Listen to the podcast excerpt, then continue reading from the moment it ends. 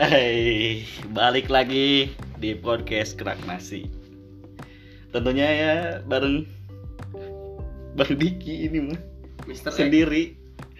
Sendiri dan ya rekaman hari ini kita malam hari kita kedatangan teman ngobrol biasa namanya mau dikenalin?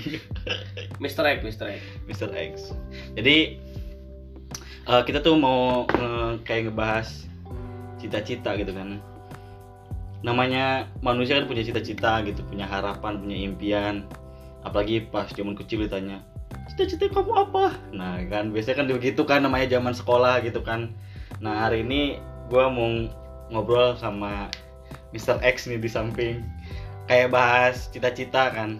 Sekarang kan kita ngangkat ini bukan karena alasan karena samping gue juga kan ini jauh dari cita-cita dia gitu kan awalnya awalnya dia pengen apa realitanya sekarang jadi eh, kita kasih bocoran aja jadi pendidik jadi guru Salah satu anak yang belum merdeka sepertinya. Jadi ya mungkin karena dipaksa orang tua juga bisa orang itu jadi berubah lagi cita-citanya. ya itulah. Nah, dan gue yang gue rasakan ya gue sebagai anak yang belum merdeka. Eh, berarti kita tanya dulu ya penting gak cita-cita itu ini kan garis besar aja tanya Oke.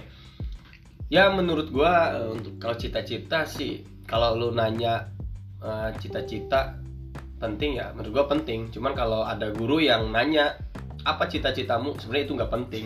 Karena itu itu nggak berpengaruh loh. Jadi di dalam perjalanan hidup lu yang membentuk itu pengalaman lu bukan dari cita-cita atau yang ditanyakan guru pada waktu itu. Karena pasti kalau semua guru menanyakan cita-cita lu jadi apa ya kalau nggak dokter polisi ya bullshit lah itu semuanya. Waktu kecil juga pasti ditanya ya polisi ya dokter ya Berarti- pasti lah. kebanyakan profesi profesi terkenal aja ya? Ya bisa dibilang seperti itu mau nanya dulu nih. Jadi pas, masih inget pasti ya dulu sekolah ditanya cita-cita apa gitu. Oke. Dulu cita-cita polisi lah polisi. Anak laki-laki pasti jawab TNI polisi.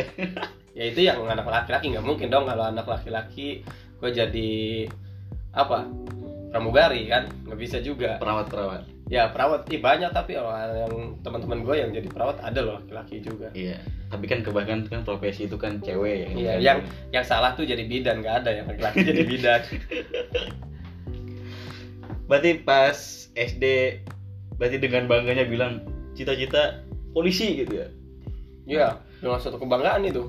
satu kebanggaan terus eh, terbentuk gitu kan ya pemikiran sekarang kenapa gue dulu bilang pengen jadi ini pengen jadi itu gitu Oke. Ya kalau gua rasa kalau untuk anak laki-laki kenapa dia memilih figur yang seperti polisi TNI ya karena hmm, jati diri kalau anak laki-laki itu ya dari pengaruh dari sinetron ah, bukan sinetron dari film-film yang jagoan-jagoan ya semuanya Hmm. kayak kan biasanya kalau ada film penjahat ada jagoannya gitu kan Hmm. mungkin terinspirasinya dari seperti itu gagah gitu berani menolong gitu ya misalkan ada juga ya seperti kalau dulu kan zaman kita ada Ultraman dan Power Ranger itu kan keren gitu di mana Hmm. kita bisa menolong. Nah, tapi yang yang mendekati itu ya polisi sama TNI gitu. Tapi ini gak di dimaklum nggak? Sebenarnya ada anak kecil misalnya dia keluar dari konteks lah misalnya Hmm. Rudy cita-cita kamu apa? Saya pengen jadi ketua mafia pak gitu. Ya kan sama karena kan tontonan zaman sekarang kan anak gak bisa dikontrol kan. Ya. gadget juga kan dia bisa nonton dari YouTube gitu kan. Hmm. jadi ya dia dapat kayak apa ya wawasan lain lah gitu di luar di luar apa ya di luar orang tua gitu. Misalkan kayak film-film kan kayak banyak lah film-film mafia gitu kan. Pengen jadi James Bond gitu misalkan kayak gitu namanya Ya, namanya anak kecil kan antusias gitu kalau udah non- kalau nonton apa-apa gitu. Ya ya kalau menurut gue sih kalau hmm, kayaknya nggak ada sih kalau misalkan kalau ada istilah kayak kalau di film ada yang hmm, penjahat sama satu lagi kalau biasa pasangannya yang orang baiknya Hmm. ya pasti mereka eh, memilih orang baik. Nah, adapun kalau mereka ingin menjadi mafia bukan karena profesinya, mungkin hanya dia eh, ini le- lebih ke menyukai figurnya dia. Seperti tuh Hmm. sekarang anak-anak tuh yang apa kemarin eh, keluar tuh film Joker ya. Jadi Iya. banyak orang yang apa, ingin jadi Joker semua Jadi tuh Joker, kan. jadi Joker. Oh kayaknya keren nih jadi Joker kan buka dijelek-jelekin padahal udah jelek gitu kan gitu. Nah itu sebenarnya kan eh, dari sifat Joker sebenarnya kan nggak baik. Hmm. Cuman mereka hanya menyukai itunya saja sih seperti apa eh, karakter di film itu. Tapi aslinya enggak sih enggak Berarti- ingin jadi Joker. Berarti jatuhnya sih lebih suka karakter berarti ya Iya, daripada profesi. Ya ya. Saya rasa pasti ya nggak hanya anak kecil ya, bahkan orang-orang yang remaja labil aja kalau masih cita-cita juga yang nggak tahu ha- misalkan uh, hari ini dia jadi polisi nggak tahu bulan depan dia pengen jadi apa. Ya kalau misalkan ya banyak sih faktor-faktor yang bisa merubah uh, sebuah layout hidup atau cita-cita gitu kan. Iya. Itu. Ya misalnya aja kayak kejadian dulu ya kayak Om Nurman Kamaru kan dari polisi berubah gitu, jadi artis kan Nah. gitu. itu kan perubahan kan berarti emang ya hidup berarti rubah-rubah kan nggak biasanya nggak nggak di situ terus berarti Ya, betul juga. Nah kemarin tuh sempat eh, ada ada beberapa tuh viral tuh kan Eh, zaman dulu tuh eh, bukan zaman dulu sih me- ya satu tahunan ya ke belakang tuh pernah tuh ya pas eh, kebetulan gue juga ngajar gitu kan Hmm. ada murid tuh eh, pak saya jadi gamer jadi youtuber wih ya itu bukan hal yang buruk ya atau hal yang nggak baik justru eh, cita-cita itu sekarang tidak hanya berpatok dengan polisi Hmm. TNI dokter nah, itu udah basi lah ya dari tahun dari gua kecil sampai besar aja itu udah ya itu udah membosankan gitu kan Iya. Nah sekarang dengan adanya youtuber pak, saya jadi ingin gamer lah pak. Oh ya udah silahkan gitu kan. Untuk cita-cita kan eh, bisa menyesuaikan juga dengan kebutuhan dan yang berkembang saat ini cita-citanya. Misalkan kayak jadi youtuber, jadi gamers. Nah tapi juga kan ya jadi yang gamers yang seperti apa. iya Ya kan kayak misalkan dia nih eh, eh, sorry ya gue sebutin gitu eh, salah satu youtuber yang tersukses itu kan contohnya Ata ya Hmm. banyak orang yang ingin kayak Ata kalau cita-cita pengen jadi apa Ata bahkan ada di soal soal soal apa itu kalau nggak salah di ya daerah apa itu Eh, pokoknya ada salah satu soal tuh yang hmm, apa eh, mencontoh apa youtuber gitu. Ya kalau untuk Ata itu yang harus eh, kita contoh itu adalah kerja kerasnya. Hmm. seperti itu. Dan kan dia sebelum jadi youtuber dia pernah sempat jualan Iya. seperti itu. Ya youtuber Ini juga kerja keras ya gitu. kerja kerasnya sih kata menurut gua. Kalau misalkan lo mau jadi apa pun itu mau ya cita-cita lo youtuber gamers ya yang penting lo kerja keras. Dan cita-cita juga lo sesuaikan dengan kebutuhan yang sesuai dengan kondisi zaman juga berarti Tuh. berproses lah Aja. iyalah berproses pastinya dan juga eh tapi banyak juga sih orang yang gue salut sih sama orang-orang yang ini apa yang istiqomah ya artinya teguh dengan pendiriannya ya Hmm. dari kecil dia ingin menjadi misalkan apa wah cita-citanya itu wah sampai terus dia kejar ya sampai Iya. dia kecil kan oh kayak ini ya sebenarnya Hmm. dokter gitu belajar mati-matian kan terus iya jadi dokter nah beneran kalau misalkan dia keluarganya mampu dan mendukung ya oke nggak ada masalah gitu tapi kalau balik lagi kalau misalkan kondisi ekonomi kita misalnya kita ingin jadi dokter Hmm. gitu sedangkan eh, orang tua kita nggak dan kita juga kita dan orang tua kita Hmm. gitu belum mampu untuk membiayai untuk sekolah dokter Hmm. Ya lu mau nggak mau lu harus eh, membanting untuk menyampingkan dulu cita-cita lu Hmm. dan bisa mengambil peluang yang ada dulu tuh gitu seperti itu berarti cita-cita bisa berubah dibilang idealis gak? gimana ya Soalnya kan tadi kan maksudnya cita-cita juga bisa dikesampingkan dulu kan. Hmm, Jadi kan ngambil yang peluang yang ada kan biasanya kan realistis kan. ya Nah berarti bisa dikategorikan idealis gitu, ya kan?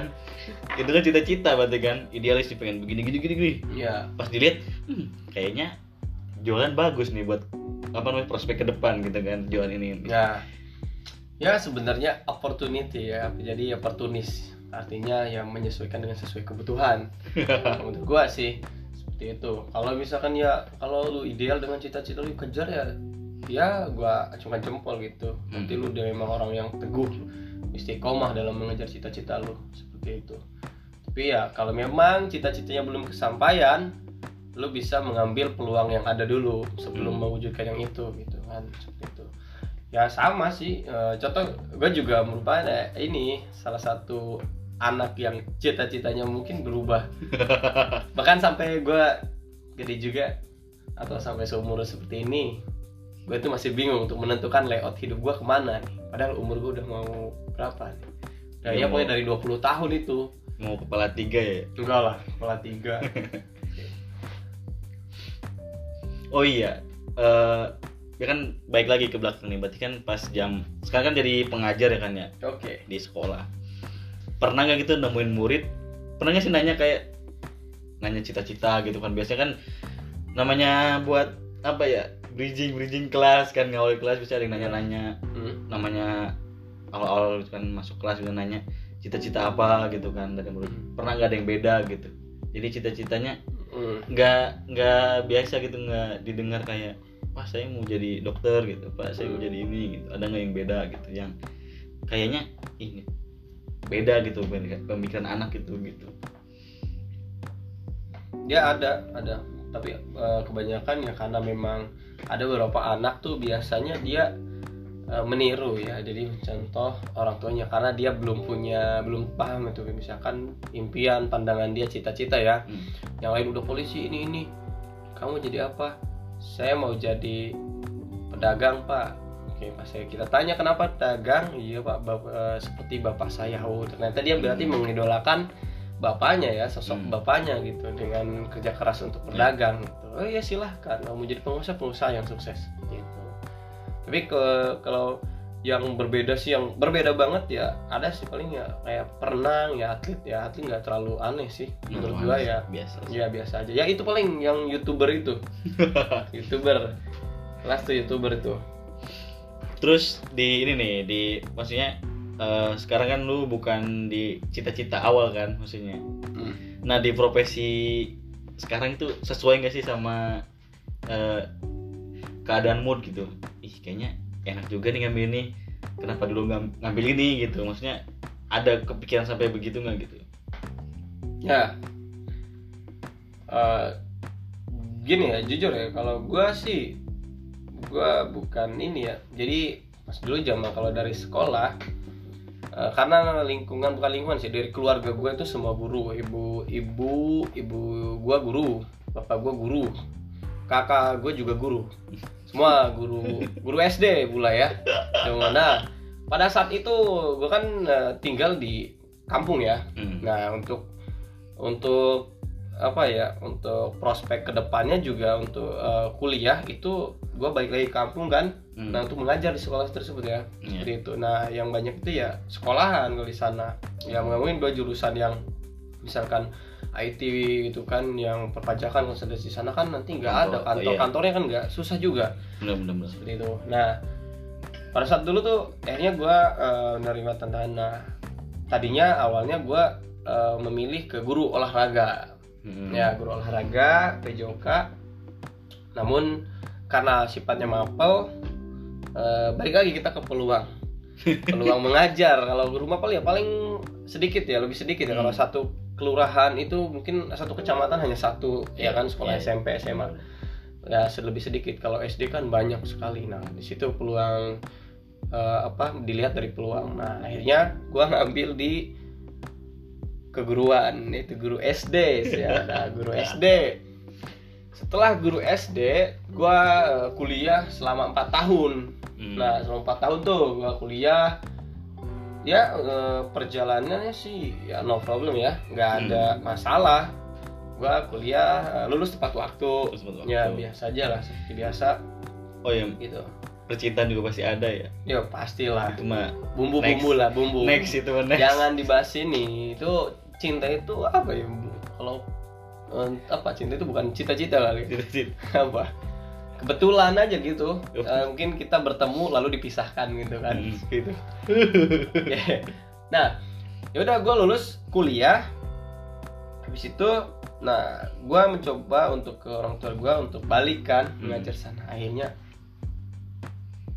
eh gue diminta jangan dulu pulang katanya yaudah kamu di sana aja dulu sebentar kata dia kamu cari pengalaman kayak atau apa akhirnya gue dapat kerja di sini ya Hmm. maksudnya di kota besar lah salah satu kota Ya. besar yang ada di Indonesia gitu jangan disebutkan nah lalu gue dapat tuh kerja di sini nah habis itu ya gue kepikir ya loh ternyata kenapa gue ngambil guru SD kalau memang eh, apa eh notabene gue kerja di sini hmm. gitu kadang eh, pikiran-pikiran jahat itu suka muncul. Padahal itu gue dapat mata kuliah pedagogi dan ya untuk menjiwai keguruan gue gitu sebenarnya. Ya kita nggak munafik loh ya. Kalau kita lagi berjalan tuh pasti ada yang namanya apa ya bisikan-bisikan itu ya. Ya godaan Apala- godaan ah, godaan. Apalagi ketika kita susah mendapatkan kerja di salah suatu itu Ah, pikiran banting setir tuh tuh wah muncul gitu kan. Ih kenapa kayak ini dulu ya? Iya kenapa kayak itu iya gitu? lah. benar-benar. Sama gitu jadi nggak mungkin lu semulus itu. Memang. Ya gua eh, bukan berarti sekarang gua ngajar nggak nggak sepenuhnya gua maksimal dalam mengajar ya nggak. Gua eh, eh, ini ya apa ya moto moto gua tuh setiap apa pun yang gua kerjakan itu harus dengan totalitas seluruhnya gitu. Hmm. walaupun dulu gua sempat ada bisikan kenapa gua harus apa masuk sini ya? Kenapa Iya. gua nggak kerja di yang lain gitu Hmm. kan bukan berarti ini melunturkan totalitas gue sebagai pengajar. Ya kalau misalnya lu nggak percaya buktinya gua sering bikin-bikin konten yang iya. pembelajaran lah ya. Iya. Hmm, pengajaran seperti itu. Berarti cita-cita untuk balik udah hilang sekarang ya? Balik ke mana nih? Balik kampung kan tadinya kan kuliah maksudnya kuliah nih ngambil Hmm. SD kan. Ya ceritanya kerja itu kan oh mungkin di kampung kan banyak sekolah kan. Hmm. berarti sekarang udah udah hilang kali ya cita-cita buat "Hmm, kayaknya buat balik ke rumah. Nih kurang berarti ya? Kurang ya kurang. Apalagi ditambah kan gue juga sempat eh, sebelum mendapatkan kerja di SD hmm. gue sempat ngelamar-lamar di instansi-instansi. Dan gue sampai eh, ke corporate juga ya ke perusahaan swasta lah. Perusahaan swasta. Hmm. Ada jeda sih dua bulan gue belum dapat kerjaan tuh di sini belum sempat mengajar juga nah udah pernah eh, calling temen juga buat nanyain eh ada gawean nggak gitu. hmm.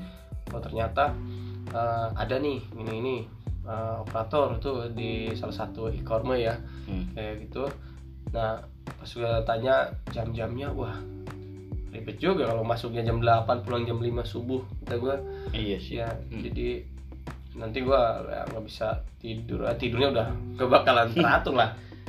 Nah pada pada saat itu gue sambil menunggu yang lain juga maksudnya yang lamaran-lamaran lain. Nah udah itu pikiran-pikiran kotor tuh udah. Pasti ada ada nyesel di situ ya ada nyesel kenapa kenapa gitu ngambil SD gitu? Ada nyesel gak pas pasti kan lagi kayak gitu kan Hmm. namanya lagi kegoncang ya pikiran ya. Maksudnya ih. Ada sih ada ada sedikit. Cuman sedikit sih nggak banyak. Nggak nyeselnya sih sedikit. Kenapa gue bilang sedikit? Eh gue nggak menyesal besar atau penuh. Kenapa? Karena kalau buat masuk ke yang lain mungkin gue mengandalkan yang jurusan semua jurusan. Hmm, kayak misalnya dia menerima semua jurusan kan? Iya, iya. kan ada tuh biasanya kalau masuk ke teller bank atau apa gitulah ya. Hmm, ada yang semua jurusan kan? Iya. yang penting S1 gitu. Seperti itu. Nah bahkan tuh setelah gua jadi guru pun gue masih eh, kepikiran lagi tuh pas dua dua tahun dia jadi guru tuh Hmm. gue melanjutkan untuk kuliah lagi kan nah Kecemburu beneran Nah, kuliah lagi. Ini kuliah gue harusnya men- eh, apa mengambil jurusan yang memfokuskan mm, dengan jurusan yang ini yang udah gue jalani ya, iya. Yang jurusan yang sarjananya. Hmm. Nah, entah kenapa untuk yang yang pasca ini yang lanjutan Hmm. gua ngambil tapi beda jurusan. Oh Gitu. jadi kurang linear gitu ya? Ya kurang linear karena apa? Lagi-lagi sih ke peluang peluang. Oke ya kita ini aja sih eh, buka-bukaan aja ya. Gua di situ nah, pada saat itu gua honor ya kan Hmm. status gua belum masuk di dalam pendataan nah masa depan gua juga belum terlihat jelas di situ Hmm. oke nah pada saat itu eh, karena banyak jam kosong Iya. gue kalau nggak menghabiskan waktu hanya ngajar pulang begitu kayaknya enggak deh Hmm. gue masih muda gue pengen memanfaatkan waktu itu nah selain gue ngajar les renang pada saat itu gue untuk memutuskan untuk kuliah tapi eh, berbeda jurusannya dengan yang sebelumnya gitu.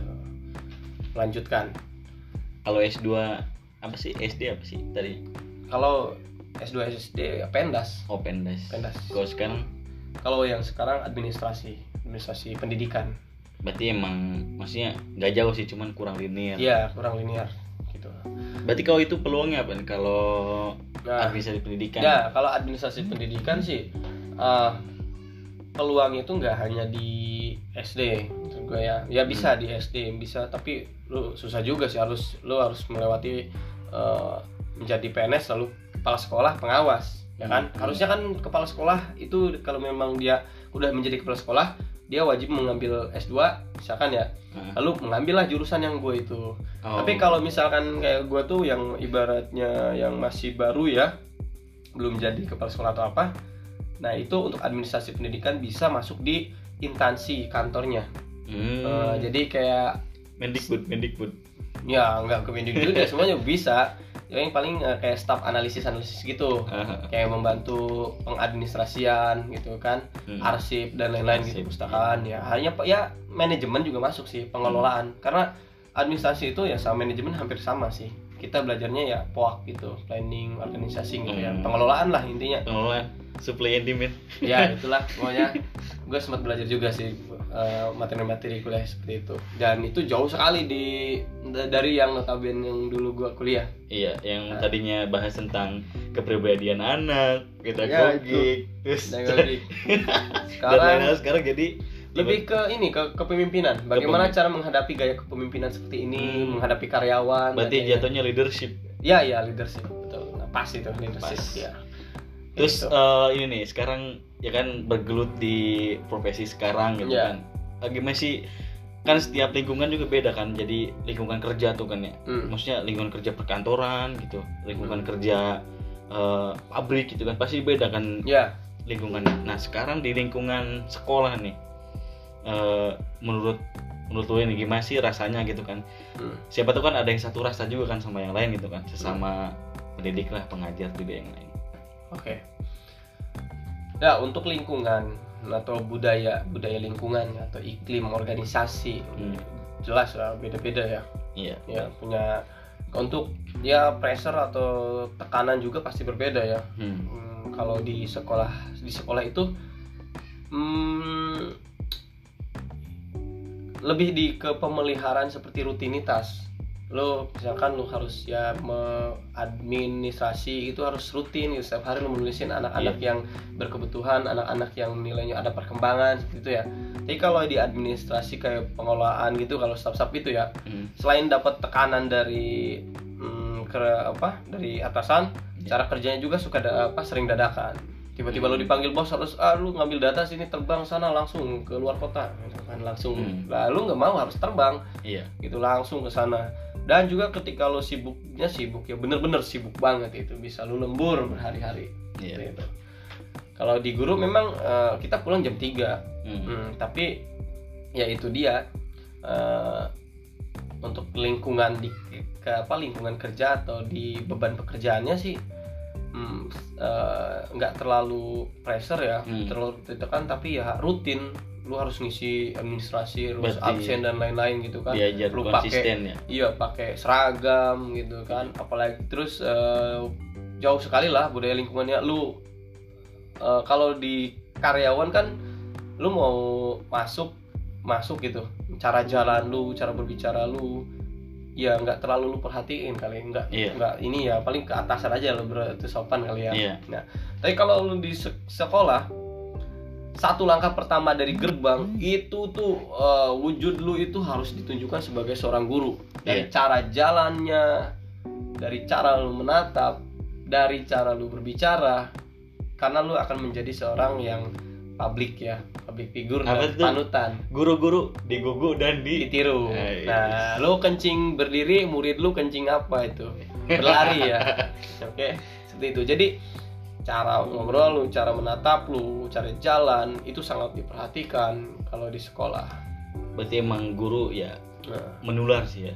Menularkan maksudnya kayak kepribadian atau apa Yes. gitu. Nah tidak hanya untuk mentransfer ilmu tapi menanamkan nilai-nilai kebaikan Anjay. itulah yang guru Berarti gua menjiwai guru daripada hampir kemarin hampir meleset loh sebenarnya dan setelah gue selesai yang apa jurusan yang kemarin S2 juga ya tetap gue tetap gue masih sampai saat ini lo juga pengajar Iya.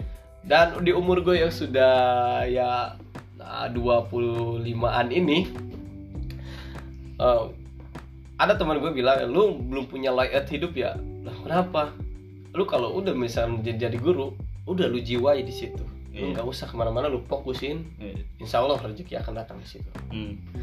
Oke, bener juga ya. Kata gue ya seperti itu. Ya itulah eh, kadang kita butuh sosok atau bisikan-bisikan positif gitu Ah. untuk melawan bisik-bisikan negatif yang Iya. sempat merasuki pikiran ini gitu kan. seperti itu.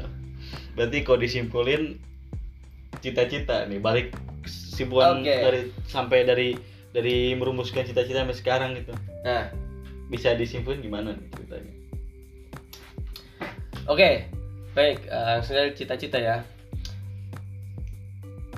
Kalau saran gak sih untuk cita-cita? Lu kalau memang lu eh, punya cita-cita kejar dengan serius, lu tekatin. Gitu. Hmm. Ya karena memang orang-orang yang melenceng dari cita-cita tuh karena mereka lalai, tidak fokus dengan Iya. cita-citanya. Lo kalau mau lo jadi dokter, lo belajar yang benar, Benar. ya kan? Iya. Banyak orang yang min- eh, pengen jadi dokter, tapi lo bolos-bolos sekolah, Iya. nggak nyambung kan? Nah, kecuali kecuali lo jadi DPR gitu. Maaf ini mah. Aduh, habis ini diblokir nih kan kita. Kayak gitu. Oke semuanya ini eh, pembicaraan cukuplah hari ini. Ya kalau ada positifnya diambil, tapi kalau positif corona jangan ambil negatifnya. Mana ada orang yang mau corona ini? Baik lagi di cerita selanjutnya di podcast Kerak Nasi.